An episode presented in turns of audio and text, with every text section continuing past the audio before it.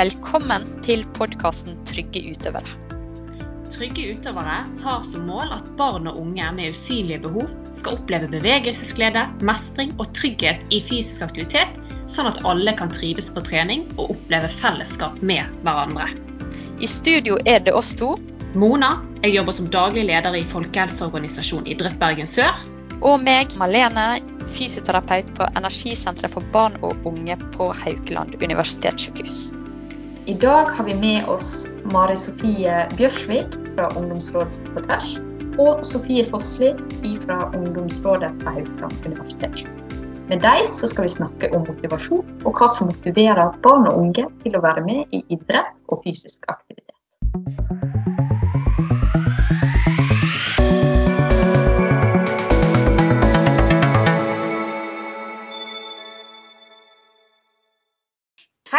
Og velkommen til en ny episode av Trygge utøver-podkasten. I dag så har vi med oss Mari Sofie og Sofie, som skal snakke litt mer om eh, hva som motiverer ungdommer i aktivitet. Og hvem er vel bedre til å snakke om dette enn ungdommen sjøl? Vi blir jo eh, med en gang veldig nysgjerrige på hvem dere er, da. Så jeg lurer på eh, aller først deg, Mari Sofie. Hvem er du, og hvorfor har vi invitert akkurat deg hit? Jeg heter Amma Sofie. Jeg er 15 år. Eh, jeg er da medlem i Ungdomsrådet på tvers, der jeg representerer Helse Bergen. Og ja. Hva liker du å gjøre på fritida? Jeg liker å gå på tur og danse. Ja. Hva type dans? Eh, moderne og jazz. Det er kult, altså. Veldig bra. Og, og, vi skal komme litt inn på etterpå hva Ungdomsråd på tvers er for noe. Men først deg òg, Sofie. Hvem er du? Jo, det, det er spennende. eh, nei, jeg er Sofie. Eh, 23, snart 24 år. Eh, og jeg representerer da eh, Ungdomsrådet i Helse Bergen. Og jeg leder da i Ungdomsrådet. Så det er meg. og Eh, jeg har jo egentlig alltid drevet veldig mye forskjellig aktivitet. Eh, og nå i det siste har det vært eh, veldig mye løping. Og det jo det positive med det er jo at nå til tross for korona, så det jo, har det jo ikke vært noen begrensning på å løpe ute noen gang. Så det har vært lov hele veien. så det, der er jeg heldig. Veldig, veldig kjekt å ha dere begge to med. Og dere begge er, representerer jo hvert deres ungdomsråd. Og hva, hva, er et ungdomsråd for noe, da? Altså, Det er jo et råd med ungdomsrepresentanter som altså Det er jo ofte at det er voksne, voksne personer eller andre som skal bestemme eh, også på en måte hva eh, altså bestemme over ungdommen. da. Men eh, ungdom har jo ofte meninger sjøl, og det er ikke alltid like lett å eh, komme ut med de da, eller eh, få sagt, eller få en stemme på ungdommen. Så vi er jo egentlig bare eh, ungdommen sin stemme inn altså I ungdomsrådet har vi stemmen inn i helsevesenet. da.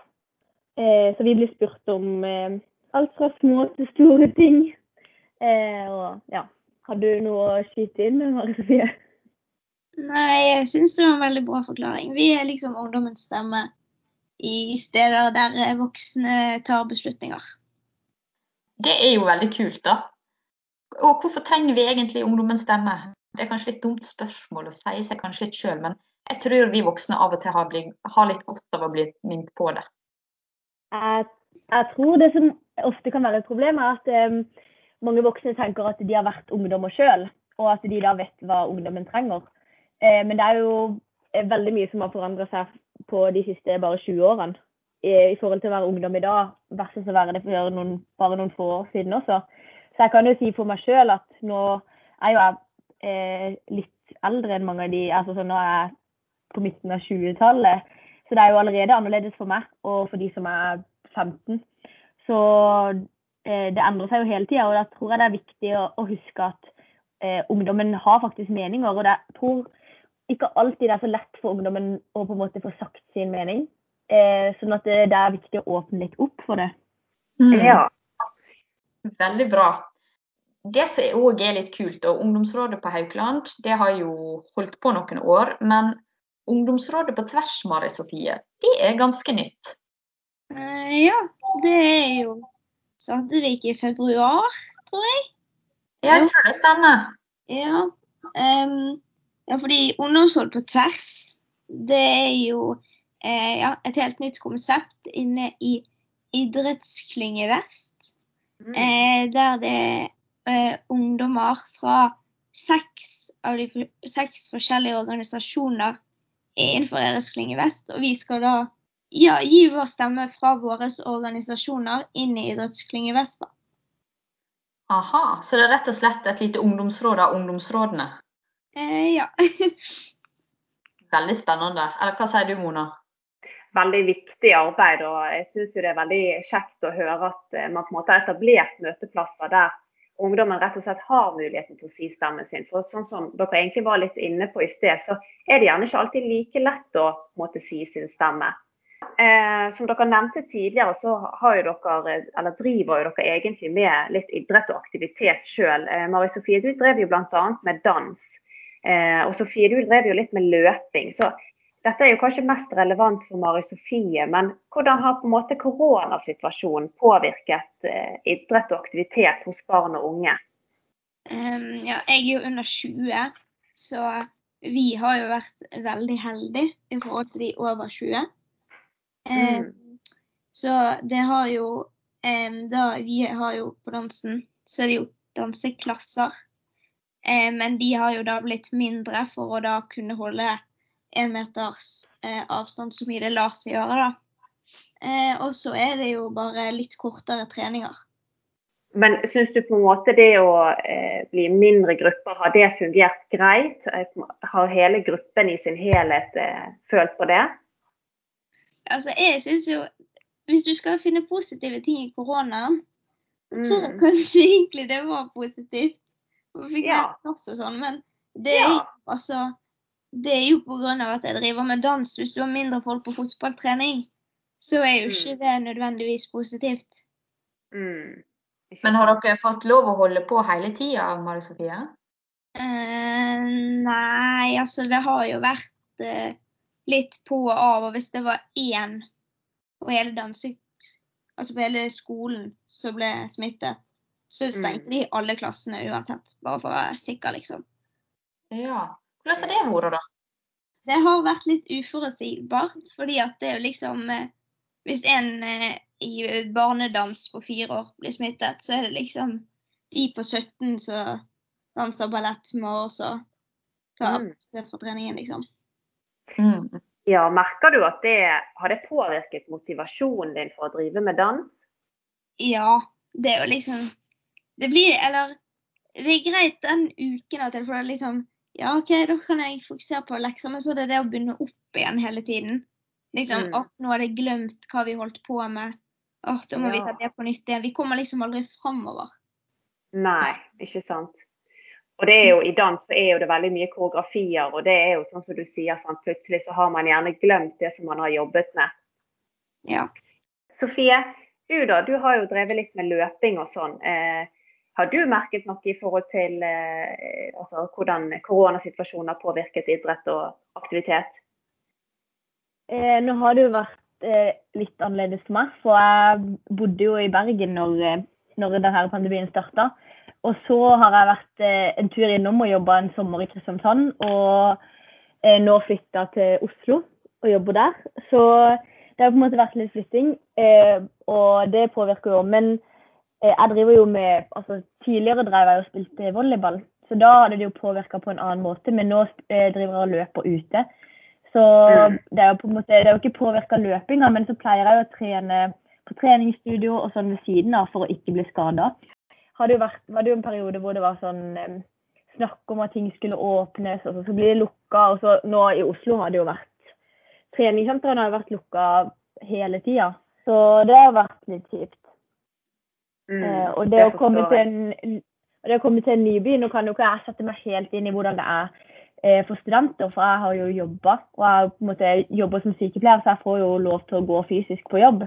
Men jeg bare tenker på både de som er nyutdanna, eh, og som, altså, som må starte som nyutdanna på hjemmekontor og liksom alt det der.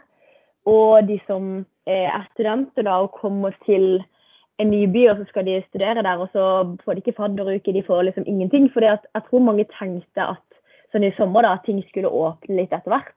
Jeg tror ingen hadde tenkt i fjor i mars at det skulle vare over et år, liksom. Så ja. det tror jeg på en måte har vært veldig tøft for veldig mange. Og nå når folk blir fraråda å reise hjem og alt sånn. Eh, og ja, så eh, eh, Da mm. egentlig så tenker jeg at man hadde jo trengt den idrettsarenaen da for å være sosial. Mm. Eh, så jeg har jo meldt meg litt inn i, eller trent litt med OSI, men der får vi jo ikke lov til å ha treninger så mange ganger. Så, det har jo, så ble vi delt inn i kohorter, og så får vi ikke lov til det engang. Så, ja. så det har vært mye sånn at jeg bare har løpt med venninner eller kompiser eller noe. Mm. Men, men, hvordan opplever dere at både venner og studiekompiser, klassekamerater og andre Føler dere at det, altså det er litt sånn som før, at folk eh, Føler dere at folk er motivert for eh, idrett og aktivitet, eller er, folk begynt å bli litt lei av stadig opp- og nedstengninger og konkurranser som kanskje ikke blir Nå er det jo noen som får ha konkurranser, så det jo, gjelder jo kanskje ikke alle, men det her, den, den stadig usikkerheten. Altså, jeg nevnte vel noe om USA, men jeg tenker jo at det som er viktig på disse områdene, det er å huske at alle er forskjellige. Så det at eh, noen kan holde motivasjonen oppe uten at det er konkurranser, mens andre trenger disse konkurransene for å holde motivasjonen oppe. Eh, og at er liksom Alle er jo på en måte ulike på alle mulige områder. Så det er jo viktig å huske på. Sånn, eh, jeg tror det er ganske mange som sliter, som har drevet toppidretter, som på en måte Når de aldri vet når de kan starte igjen, eh, mm. så virker det litt eh, mindre motiverende. Men nå er det jo sånn at mange av de som driver toppidrett, har jo fått lov til å konkurrere. Eh, mm. Men da, merker, da, tror jeg det er ganske urettferdig de, for de som er på en måte bare hakket under. da. De er kanskje ikke best i sin idrett, men så er de på en måte ikke de er liksom ikke, de spiller ikke bare for gøy, eller de trener ikke bare for gøy. De er egentlig, de satser egentlig, men så er de ikke den beste, så de får akkurat ikke lov å konkurrere. da. Eh, mm. Og det tror jeg kan være litt dumt for noen, da. At noen får lov for godkjennelse for å dra på treningslærer i andre land.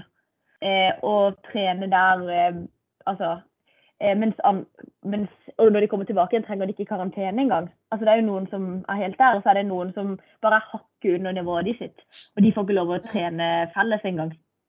Ja, det er et veldig godt poeng.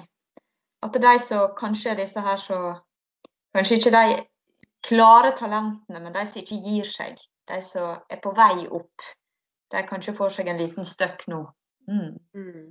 Du da, Mari Sofie, hvordan opplever du at eh, kompiser og venninner og de som driver på med aktivitet, og de som ikke driver på med aktivitet, at hvordan, ja, hvordan er på en måte stemninga? Jo, altså Jeg tror egentlig nå Eller i høst så hadde de en sånn bra eh, liksom, periode med motivasjon. For da var vi liksom forberedt på hva vi skal klare dette nå. Kommer oss gjennom det. Dette blir bra, liksom. Mens nå, mm. Nå er det veldig mye opp og ned og rødt nivå og gult nivå og smitte her og smitte der. Og, så da er det liksom folk får beskjed om OK, dette skal nok vi komme på. Dette blir et arrangement. Og så liksom to uker før så bare Nei, går ikke likevel. Mm. Og da stuper motivasjonen igjen. Så jeg tror folk eh, er lei, selv om det kommer på nyhetene hele tiden. Åpning til mm. sommeren og sånn. Så mm. ja. Jeg tror det er vanskeligere å holde motivasjon til idrett og andre ting generelt nå enn det det var når det var egentlig verst med korona. Mm. Du har jo faktisk fått kjenne det litt på kroppen, Mari Sofie, med nedstenginger i i forbindelse med dansingen, og gjerne litt avlyste arrangementer og konkurranser og sånn. Eh, hva syns du på en måte var viktig at treneren gjorde for at du skulle oppleve mer motivasjon til å komme på treningen og på en måte til å ha det kjekt på trening? Er det noe konkret du kan trekke frem der? Ja Altså Vi prøvde, for egentlig så Vi pleier alltid sånne store fremvisninger i Grieghallen. Så det å være liksom, eh, årets høydepunkt. Og det ble jo avlyst, så da prøvde de heller å ha jubileums- eller festuke eller noe sånt. Så alle sammen fikk liksom eh, sånn eh, goodie bags og eh, de, Vi hadde sånn fellesdans så hele skolen lærte liksom og sånn. Så de har jo prøvd liksom Mm. noen ting. Og så tror jeg de også har prøvd å lage mindre koreografier, liksom, sånn at vi kan hoppe litt av og på og sånn. Så de prøver jo å tilrettelegge sånn til den situasjonen vi er i nå, da. Ja, så bra. Det er veldig fint å høre. Eh, og det er jo klart at det er litt kjekt når dere på en måte er vant til å ha den store oppvisningen, og i hvert fall få et lite alternativ til det. Ja. Eh, hva tenker du da, Sofie, i forhold til eh, hva en trener kan gjøre i idretten da, generelt sett for å på en måte bevare eller motivere ungdommene til å være aktive i denne vanskelige tiden? Eh, jeg tenker at det er viktig at de ser alle utøverne. Og eh, på en måte litt, eller bruker litt tid på å se kanskje hva som kan være nyttig for akkurat den utøveren. Altså om, om det er at, eh, eh, hos, altså at treneren stiller opp og på en måte har en egen trening med noen av utøverne, eller om Altså, jeg ikke, jeg føler generelt i samfunnet er det jo det å bli sett som er ganske viktig. Og føle at man er viktig. Altså, ja. Mm. Og det er på en måte treneren sin oppgave å føle at ok, det er faktisk viktig at du gjør en, en jobb nå, hvis de er et lag, da. Eh, hvis noen, hvis på en måte én på laget slutter å trene, så går det utover laget når det åpner opp igjen, da. Hvis, eh, altså, så nå spilte jeg volleyball, hvis det er leggeren da, eller angriperen, eller kanten, da, som slutter å trene, og plutselig når de skal begynne igjen, så bare ødelegger den ene spilleren for laget. Så det er på en måte noe at treneren kan holde litt motivasjon oppe. Og så eh, gi liksom treningsøkter da, eller noe som er lett å gjennomføre. Sånn f.eks. Eh, eh, gi et sånn eh, treningsprogram du kan gjøre hjemme, så kan du lage interne konkurranser. da, F.eks. den som har gjort eh, det på en måte treningsopplegget flest ganger, den Altså du får en stjerne for hver gang, og så er det en premie for de som har gjort det ferdig, eller gjort det flest ganger. Eller sånn på med løping, så går det jo an å ha mange gøye konkurranser. Sånn med Strava, for eksempel, så går det an å ha sånn Strava-kunst. At, at man liksom eh, prøver å Den som løper den kuleste kunsten, da. Så du kan planlegge en rute Ja. hvordan det liksom kan bli en figur, da. Eller liksom at folk kan tenke litt sånn at ikke det er nødvendigvis bare fart og tid og liksom hvem løper raskest og sånn. For det kan jo være litt mindre motiverende. Men og på en måte OK, nå skal dere løpe Eller på en måte noen kan prøve å løpe en firkant, noen kan prøve å løpe et hjerte. Eller løpe en eller annen figur, da. Eh, på en måte finne andre muligheter som kan motivere på andre måter, bare til å på en måte vedlikeholde. Og ikke nødvendigvis tenke at det er denne perioden folk skal pike. Mm. Så rett og slett det å, å, å være litt kreativ hva kommer til konkurranser. For det er jo egentlig ganske mange som kanskje motiveres av konkurranser, men konkurranser der det ikke skapes tydelige vinnere og tapere, kanskje, og, og konkurranser der man konkurrerer i ting der alle kanskje starter på null. Det er noe ingen har gjort før. Og så syns jeg òg det er veldig det er godt poeng det du sier innledningsvis, med at, at treneren må se alle. Men én ting er å se alle, men òg fortelle den enkelte utøver hvorfor er det viktig at akkurat du er er her. Sofie, det er så bra at du kommer på trening, fordi at eh, du smiler sånn og, og lager så god stemning i laget. Og Da eh, kan det jo fort tenkes at ah, ja, men da, da føler jeg meg litt mer sånn at det er viktig at jeg kommer på trening. Og Det var et veldig godt eksempel du kom med der. For jeg tenker at eh, hvis noen sier, hvis du skryter av noen om noe de egentlig ikke er flinke til, så virker det jo mot sin hensikt. da. Eh, så Hvis du sier å, eh, du, er så, liksom, du er så rask, og så hvis noen hadde sagt det til meg, da, så vet jeg at jeg er ikke rask. jeg er kjempetreig, jeg kan bare løpe lenge. Jeg kan bare løpe lenge. og da hadde jeg litt sånn Hvis noen hadde kommet og sagt at jeg var så sykt rask, så hadde jeg bare tenkt sånn eh, Ja, jeg vet ikke. Det hadde bare ikke stemt, da. Eh, Så jeg tenker både det, men så eh, i forhold til når man er i ungdomstida, så handler det jo veldig mye om at for at folk ikke skal falle av, så kan det jo være det å introdusere dem til nye idretter eller nye måter bare å tenke på idretten. Sånn som jeg, Før så har jeg alltid hata løping fordi jeg er dårlig til å løpe fort. Og så plutselig fant jeg ut at å ja, det kan være en ting å bare skulle løpe langt. da. Løpe i det uendelige. Og det var på en måte, det mestra jeg bedre enn å løpe fort. Så da ble det liksom motiverende. Men det var jo ingen som hadde nødvendigvis introdusert meg for det. Mm. Det er jo òg et veldig godt poeng at av og til så kanskje man må tørre å gi litt slipp på utøverne sine for at de skal finne sin greie. Og kanskje Mm. hjelpe dem til å finne sin greie. Mm. Og det er jo egentlig en veldig fin tid, altså den tiden som vi står i nå, for at treneren gjerne kan introdusere litt andre aktiviteter og øvelser eh, på treningen, selv om det gjerne ikke er knyttet til den idretten. da. Jeg vet ikke hvordan det er med dere, Mari Sofie, om dere har hatt eh, noen litt andre aktiviteter enn dans hos dere? Ehm, ikke så veldig mye. Men uh, en ting som jeg tenkte med når det Sofie sa, eh, det er jo det at det er viktig um, Og jeg føler uh, kanskje prøve å skape et miljø i den hvis du trener i grupper og i idrettslag, der de liksom kan tørre å gjøre forskjellige Altså det blir my mye bedre miljø mye mer motiverende hvis alle kan kjenne hverandre tørre å gjøre litt ting utenfor boksen innenfor den idretten, eller utenfor hvis det var det som var poenget. Mm. Men at liksom alle skal få tørre å være seg selv, og kunne tørre å si til andre komplimenter og backe Mm. de og sånne ting. Det er veldig viktig. Jeg skjønner at dette kan være et vanskelig spørsmål, men hva skal jeg som trener gjøre? Um, jeg, sånn jeg har opplevd det, så er det sånn at når jeg har begynt på en ny ting, en nytt kurs, sånn, så har det vært veldig sånn OK, vi tar en navnerunde, så begynner vi. Ja. Um, jeg ville hatt noe sånn f.eks. gå i noen små grupper, snakke litt sammen, bli kjent med hverandre. Eh, så kan vi ta en stor gruppe på slutten, eller ehm, noe sånn, da. At eh, liksom Prøv å pushe de litt Mm. til å bli kjent med hverandre på forskjellige måter. Og Mm. ikke bare, ikke bare fokusere på idretten. Mm. Og det tror jeg er et viktig poeng.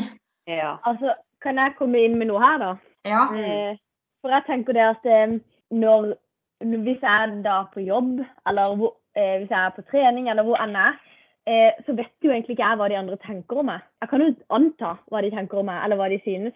Men jeg vet jo ikke, så noen ganger så er det jo greit å få bekreftelse fra noen på eh, hva de faktisk syns om deg, eller sånne ting. Sånn at eh, kanskje første treninga så skal jo ikke dette, men når man har trent sammen med noen litt, så er det jo et poeng å liksom eh, få høre litt hva de andre syns om det. Sånn at man kan få litt selvtillit sjøl. Eh, med laget vårt så var det en periode hvor vi var kjempeslitne. Alle var helt Altså, vi holdt på å gå ned i kjelleren. Og så hadde, skulle vi ha mm, sånn fysisk trappetrening. Det var når jeg spilte volleyball, da. Og så jeg skulle vi egentlig ha sånn fysisk trening i to timer.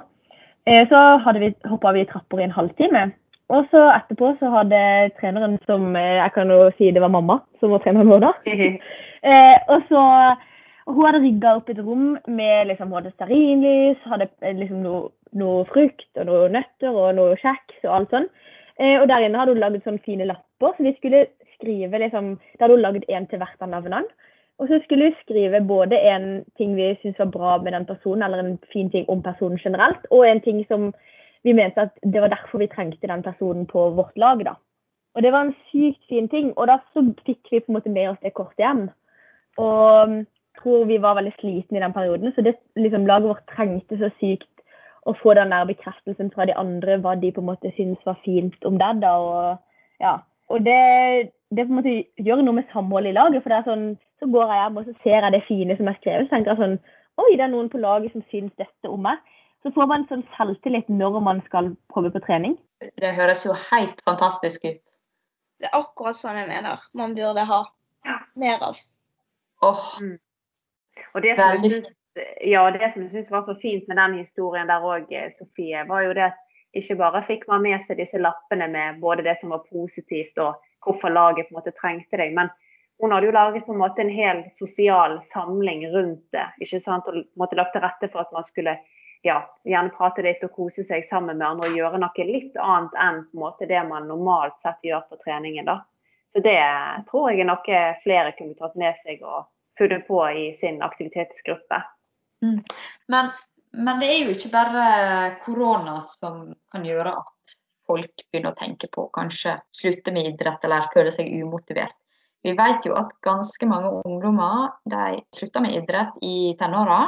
Eh, og så hører jeg jo du Sofie si da jeg spilte fotball, og kanskje du Mari Sofie òg tidligere har prøvd noen idretter, men funnet ut at det kanskje ikke var noe. Jeg lurer på litt, Hva tenker dere er grunnen til at eh, idretten har et så stort frafall fra tenårene? Um, Eh, jeg tror jeg har to grunner. Ja. Eh, Jeg, har, jeg har gått på mange, jeg tror jeg har gått på syv idretter. Eh, Men én, det tror jeg ofte er Eller ikke ofte, men det jeg har opplevd, det er treneren eh, som eh, behandler jenter på åtte som det var et fotballag i Eliteserien. Det er liksom Dere skal vinne, kom igjen. Det er liksom ikke noe sånn ah, det var en bra pasning. Det er ting du må gjøre bedre og bedre og bedre. Mm. Eh, nummer to, det tror jeg også er at jo eldre du blir, jo mer liksom konkurranse OK, du er dårlig, du kommer ned på B-laget, liksom. Det er liksom ingen sted der du bare kan ha gøy uten konkurranse. Det er iallfall ja, ikke noe sted jeg har opplevd det. At eh, det er liksom på et nivå der det, folk kommer bare for å kose seg og være i ak fysisk aktivitet. Det er bare liksom konkurranse blir best. Mm. Jeg har liksom noe annet òg som kanskje kan spille litt inn på hvorfor folk faller fra. Eh, Mm. Og det handler vel litt om altså Det har jo snakk om litt forventninger her. Eh, men jeg tenker det forventningene når man kommer på trening, da. Eh, at man har press fra utrolig mange kanter.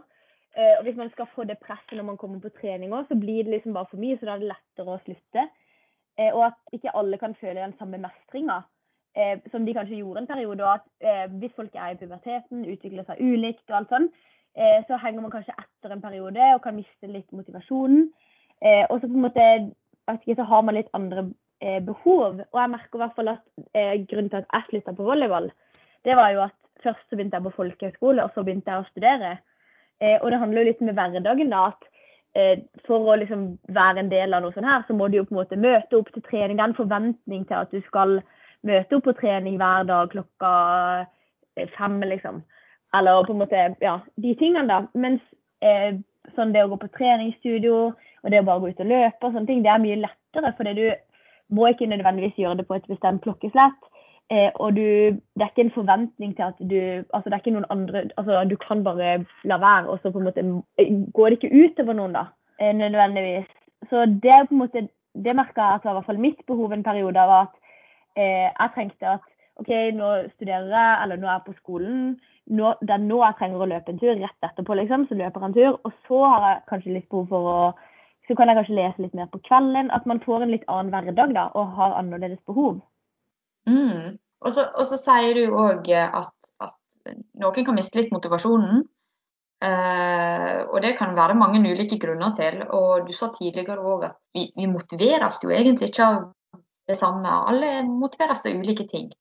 Og Mm. da lurer jeg litt på altså Jeg som trener, hvordan kan jeg på en måte vite at du Sofie, du motiveres av det, og du Mari Sofie, du motiveres av det, og derfor må jeg legge opp treninga mi sånn? Er det Det er et veldig godt spørsmål. Altså, det er jo sånn man lærer om seg sjøl også. Jeg tror ikke når man er liten, eller når jeg var yngre, så visste ikke jeg nødvendigvis hva som motiverte meg. Eh, Mm. og det er jo veldig vanskelig for en Altså, det kan jo være noe treneren kan jobbe med å hjelpe utøveren å finne ut hva som motiverer den, da. For sånn Jeg tror for meg, da, så har jeg bare en sånn veldig indre motivasjon. Jeg har bare Jeg vet at det å trene, det gjør at jeg får det bedre, da. Eh, Så det er jo egentlig bare det som er min motivasjon. Og jeg har jo på en måte, ja, Mamma er idrettslærer, så jeg har vokst opp med å trene liksom, eller være i aktivitet da, daglig. Og da er det på en måte Det blir bare feil hvis ikke jeg får gjort det. Men for mange er jo kanskje ikke det eh, det samme behovet, da, eller man blir ikke motivert. Eller det, det er ikke en del av hverdagen. Og da kan det jo være litt hardere å motiveres. Og eh, alle er ikke født med likt konkurranseinstinkt. Og eh, altså, noen syns jo bare det går helt fint å tape, og de bryr seg ikke. For det Ja. Eh, Og det er jo Ja. Så jeg tenker at det kan være treneren sin rolle litt å eh, hjelpe utøveren å finne ut hva som motiverer utøveren. At det kan på en måte bli et eller annet sånt prosjekt de har sammen. da. Mm. Og Marie Sofie, er det noen egenskaper med trenere eller kroppsøvingslærere eller andre som driver eller er sånne aktivitetsledere, som du tror er ekstra bra for at eh, utøvere skal trives og motiveres til å være i aktivitet? Mm, jeg tenker kanskje tålmodighet og kreativitet. Eh, Ja. Du må være altså, eh, du må, det er jo det vi snakket om, at alle er forskjellige. Eh, Så du må finne liksom forskjellige metoder av kanskje original trening, da, som passer til den og den gruppen av utøvere du har. da. Mm. Og så må du være tålmodig og se fungerte det. Nei, OK, da prøver vi noe annet. Men det fungerte, så da kan vi gjøre det.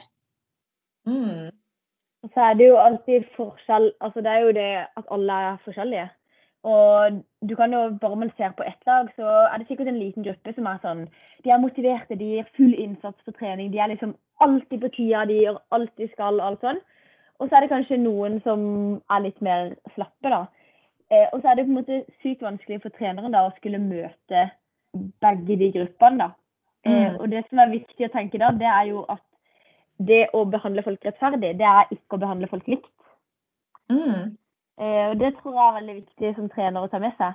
Sofie, du er jo fra Helse Bergen. og i Trygge utøvere så snakker vi jo veldig mye om dette med usynlige behov. Og En del av de utøverne som gjerne har et usynlig behov, er jo gjerne knyttet til helsevesenet. Men hva tenker du egentlig er et usynlig behov? Og hva, hva kan på en måte være så, eller hva er det som gjør at det er så vanskelig å ha usynlige behov? Eh, først så tenker jeg at usynlige behov det kan være alt fra underliggende sykdom til bare eh, at folk har forskjellig eh, psykisk altså helse, og at noen krever mer eh, bekreftelse enn andre. noen, altså, Så det trenger nødvendigvis ikke å være noe sykdom, men, eh, men det tenker jeg jo at det er ganske vanskelig å kunne se på noen hvis de har en underliggende sykdom da, eller har et problem. Eh, og det er jo ikke alle som har lyst til å si dette til treneren sin, da. Hvis du har eh, sliter med astma, eller hvis du har eh, eh, problemer med stoffskifte, eller du kan ha alt mulig hjerteproblemer, du kan ha en nyoppdaga kreftsykdom, men det kan jo også bare være at du har det litt vanskelig, at du, har, at du er deprimert, da. Eh, og det kan jo gjøre det sykt vanskelig å prestere på trening. Så er det sånn Du har kanskje kommet til en periode hvor du har det litt tungt, og så eh, orker du ikke å dra på trening. Og så får du den der tilbakevirkninga at treneren blir irritert fordi du ikke møter opp. Og det egentlige problemet ditt er at du i utgangspunktet får dårlig samvittighet for å ikke komme på trening, men du er bare så sliten at det orker du ikke. Og så skal du i tillegg få en trener som på en måte blir sur for at ikke du kommer, og den der forståelsen der. Og liksom hvis man har nyoppdaga underliggende sykdom og liksom ikke har fortalt det ennå, og den, at treneren ikke forstår, eller eh, Det tror jeg kan være et veldig problem, da. Mm, absolutt. Eh, Mari Sofie, har du noe du har lyst til å legge til på det? Eh, Ja, altså det er kanskje litt sånn irriterende svar, men jeg Mhm. mener at det viktigste eh, det er å være åpen, selv om det er vanskelig, og det er vanskeligere for noen og enklere for noen. Men sånn jeg har erfart, så er det åpenhet som kommer best ut av det, istedenfor at du får eh, misforståelser og sure trenere og sånn. da. Hvordan har dere lyst til å bli møtt da når dere åp eh, åpner om et problem? Og, og, om det går under kategorien usynlig behov eller ikke, så hva skal en trener gjøre? Eh, jeg tenker at det er ulikt her også. Eh, for jeg tror at noen vil kanskje bli, bare bli, bli behandla som alle de andre. At de er sånn De ønsker liksom ikke noe spesialbehandling. De har et eller annet underliggende problem, men de ønsker ikke at treneren skal gjøre et eller annet Altså gjøre noe ut av det, da. Eh, mens noen andre ønsker kanskje den tilpasninga. Så jeg tenker det treneren kan gjøre, er å ha eh, en tydelig dialog sånn jevnlig da, med denne utøveren og på en måte spørre ok, Ønsker du at de andre på laget skal få vite om det? Ønsker du at vi skal si til de at, ikke, at du ikke ønsker at du skal bli tilpassa på noen spesiell måte, eller at de skal ikke påpeke det? da? Eller om, eller om på en måte denne utøveren ønsker han skal få litt særbehandling. Mm. Jeg hører jo her at det som går mye igjen, er jo rett og slett at en trener, må ta seg tid til litt dialog med utøverne. Bli godt kjent med utøverne sine. Det er viktig. Se den enkelte. Det har eh, vært utrolig kjekt å ha dere med, Mari Sofie og eh, Sofie. Og det er jo ingen tvil om at ungdomsråd er utrolig viktig. Eh, jeg hører jo bare på den lille praten vi har hatt her, hvor mange fine tanker og ideer dere har om hva ungdommen trenger. Så dette her har vært virkelig nyttig. Og så har vi jo vi har et spørsmål vi pleier å stille til alle, alle vi har hatt med oss i podkasten. Eh, men jeg har egentlig lyst til å stille dere to. For vi har på en måte to vinkler, eller to perspektiv å, å angripe det her på. Og spørsmålet vi pleier å stille, det er hva er deres beste råd til den helt ferske treneren? Men så har jeg òg lyst til å spørre dere om hva er deres råd til den helt ferske utøveren? Hvis vi begynner med spørsmål nummer én, da. Mari Sofie? Um, helt fersk trener. Eh, det må være det at eh, eh, bli kjent med utøverne dine og ha tålmodighet med dem. Veldig, veldig viktig råd. Du da, Sofie? Du, det, jeg satt her og nytenkte. Eh, mitt beste råd. Jeg syns jo Mari Sofie er så god til å svare. Hun har vært helt sykt god til å bare ta det på rappen her i dag.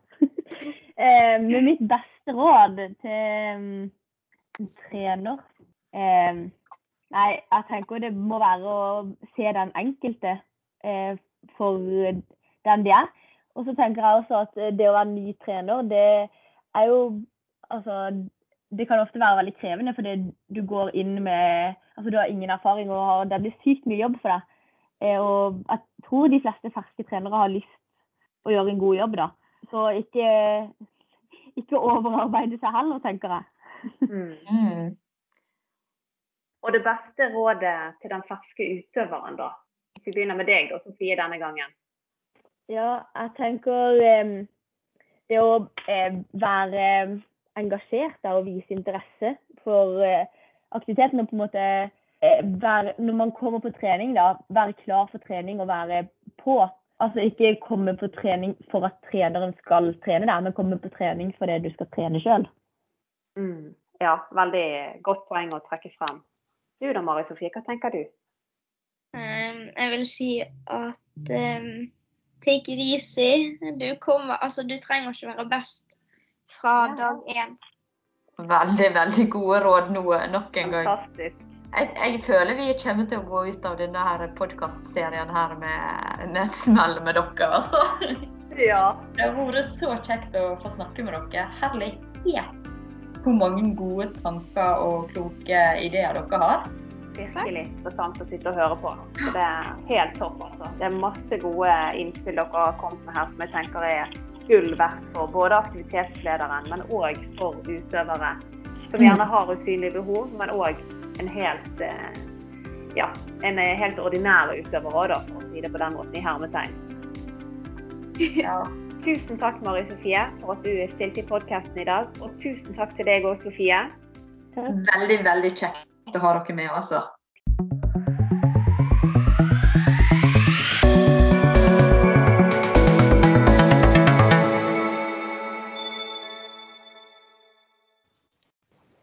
Tusen takk for at du lytta til podkasten Trygge utøvere. Har du spørsmål, kommentarer, ris eller ros, ta gjerne kontakt med oss på post krøllalfa tryggeutøvere.no.